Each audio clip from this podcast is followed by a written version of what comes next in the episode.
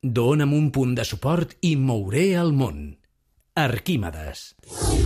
Revolució 4.0 a Catalunya Ràdio amb Xantal Llavina.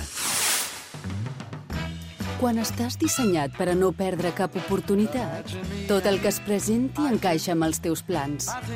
Nou Toyota Yaris Cross Electric Hybrid, el nou referent dels suburbans, dissenyat per a tot el que et proposis. Toyota, liderant el canvi. T'esperem al nostre centre oficial Toyota Teams Motor al carrer París 70 de Barcelona.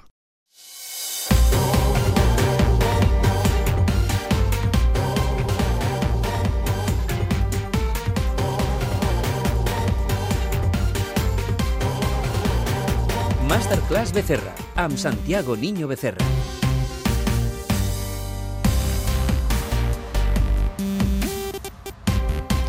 Un estudi de Harvard assegura que a partir dels 60 anys la gent és més feliç. Diu que ens traiem obligacions de sobre i que prioritzem fer coses que ens venen de gust. Però els que encara no tenim aquesta edat, que està propet, eh? és bo saber que ens espera uh, un futur ple de felicitat. Hey,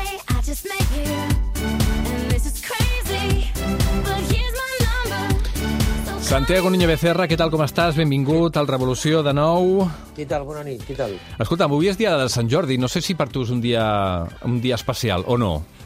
Bueno, sí, especial, sí. Aquest any no, no tinc mm, cap llibre nou, mm -hmm. eh, amb la qual bueno, no he anat a signar, però bueno, he donat- he fet un vol i tal, està bé. Està bé.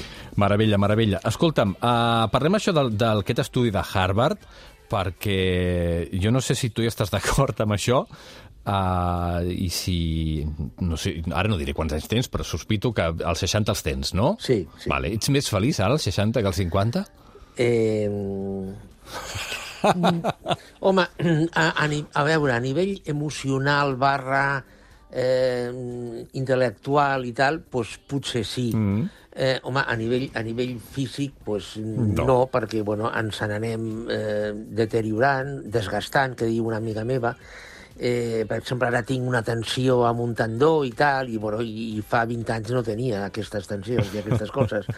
Però, bueno, deixant de banda això, sobre aquest estudi, sí que m'agradaria fer un comentari. Mm. A veure, a, el- a l'autor de l'estudi diu que, eh, que, és, que és estadounidenc, diu que hi ha una, una renta mm, que cobreix les necessitats, mm, és, és una, una, una cosa molt etèrea, eh, molt oberta, que cobreix les necessitats i a partir d'aquí un increment de renta es nota molt poc.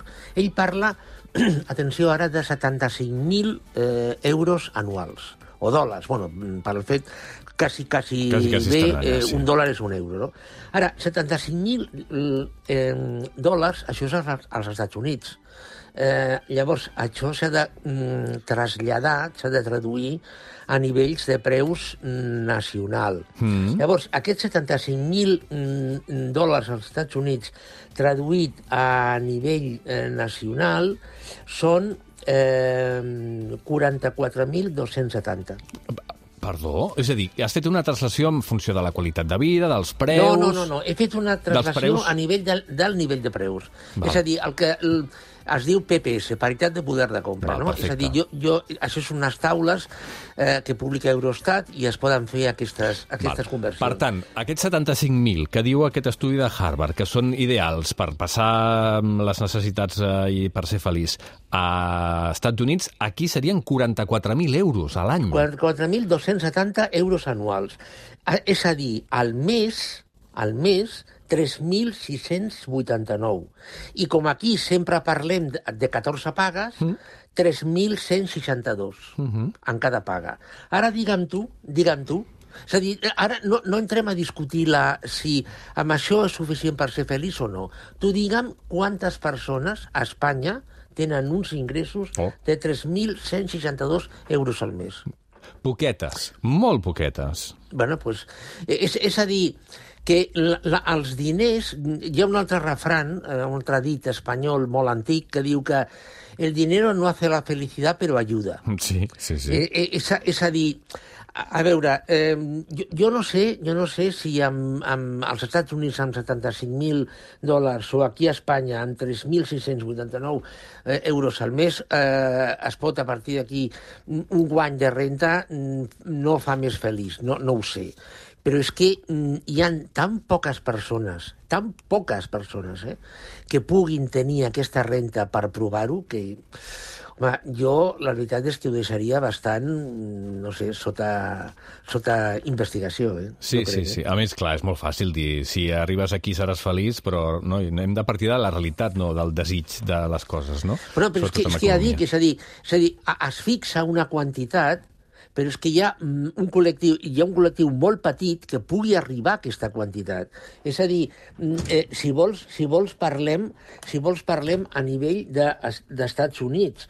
És a dir, eh, als Estats Units hi han poques persones, poques, eh, poques famílies, poques persones, que guanyin 6.250 dòlars al mes. Sí, sí, sí. sí. Hi ha poques, eh? Com les mateixes que aquí no guanyen 3.100 cada No, mes, no? hi ha més. És N'hi a ha dir, més, hi ha eh? més als Estats Units que guanyen 6.250 dòlars que aquí 3.000 3.600. Va, Hi ha va, més. va. Però bueno, però... mm, És a dir, que... Per això dic, és a dir, que no és una quantitat, que no és una tonteria de quantitat. No, no, que és una quantitat menys. ja, bueno, amb ulls i cara, eh? Canviem de, canviem de qüestió. Una altra gran notícia de la setmana és la de la llei de lloguers. Nous contractes, els nous contractes no podran pujar més d'un 3%. Uh, tan, ta, no sé si preguntar-te si és una bona mesura o per què creus que no és una bona mesura, perquè segurament les, teus, les teves opinions aniran més per aquí, no? Sí, jo, a veure, jo, jo eh, sempre he dit el mateix. És a dir, si es volen limitar de forma efectiva els lloguers, ha d'haver una oferta de, vi de vivenda pública en lloguer molt, molt elevada. És a dir, els tres països europeus que tenen una tassa més elevada de vivenda pública són Àustria, Dinamarca i Països Baixos. En aquests països hi ha un lloguer mm, acceptable eh, perquè hi ha molta vivenda pública. A Àustria, per exemple, van començar mm, just després de la Segona Guerra Mundial, amb la qual clar, el parc de, de vivenda pública és molt elevada. És veritat que hi ha vivenda privada lliure al preu que bueno, marca el mercat, però qui, pot, qui vol accedir a una vivenda pública pot. Llavors, a Espanya, Espanya, Espanya és, és el país europeu que té eh, una tassa de vivenda pública més baixa. I a, i a sobre mm, portem dècades amb aquest problema. És a dir, a mi em fa molta gràcia quan, per exemple, i, i, i, i estic, eh, estic llegint, eh? és a dir, estic llegint.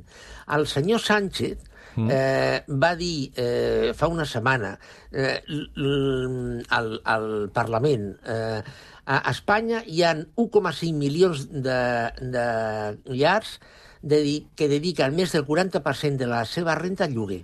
Això va dir-ho el senyor Sánchez, mm. president del govern. Sí, però això passava l'any passat, i fa dos anys, i tres. És, és a dir, es, Espanya, a l'any 1985, no sé si tu te'n recordes de la Lei Boyer, Sí. és a dir, bueno, doncs la Lei Boyer, a l'any 1985, entre parèntesi, a l'any 1982, el PSOE va guanyar les eleccions per majoria absoluta, Sí. el, la Lei Boyer va mm, eh, liberalitzar els lloguers i a partir d'aquí van començar a pujar els, els, els lloguers. Llavors, això va passar l'any 85. A l'any 87 comença el primer, el, el segon, perquè el primer havia sigut durant el franquisme, però bueno, en democràcia, el primer boom de la vivenda. Lla- Llavors, va haver una voluntat política de que les persones, les famílies, es compressin una, una vivenda. Eh, llavors, es va deixar totalment de banda la vivenda pública i eh, un, un, amb un eh, lloguer social. Bueno, I ara, eh, evidentment, hem, hem arribat al que hem arribat. L'idealista va publicar fa menys d'una setmana eh, un estudi, un informe, que deia que a, avui dia a Espanya farien falta 2,5 milions de vivendes no va ser.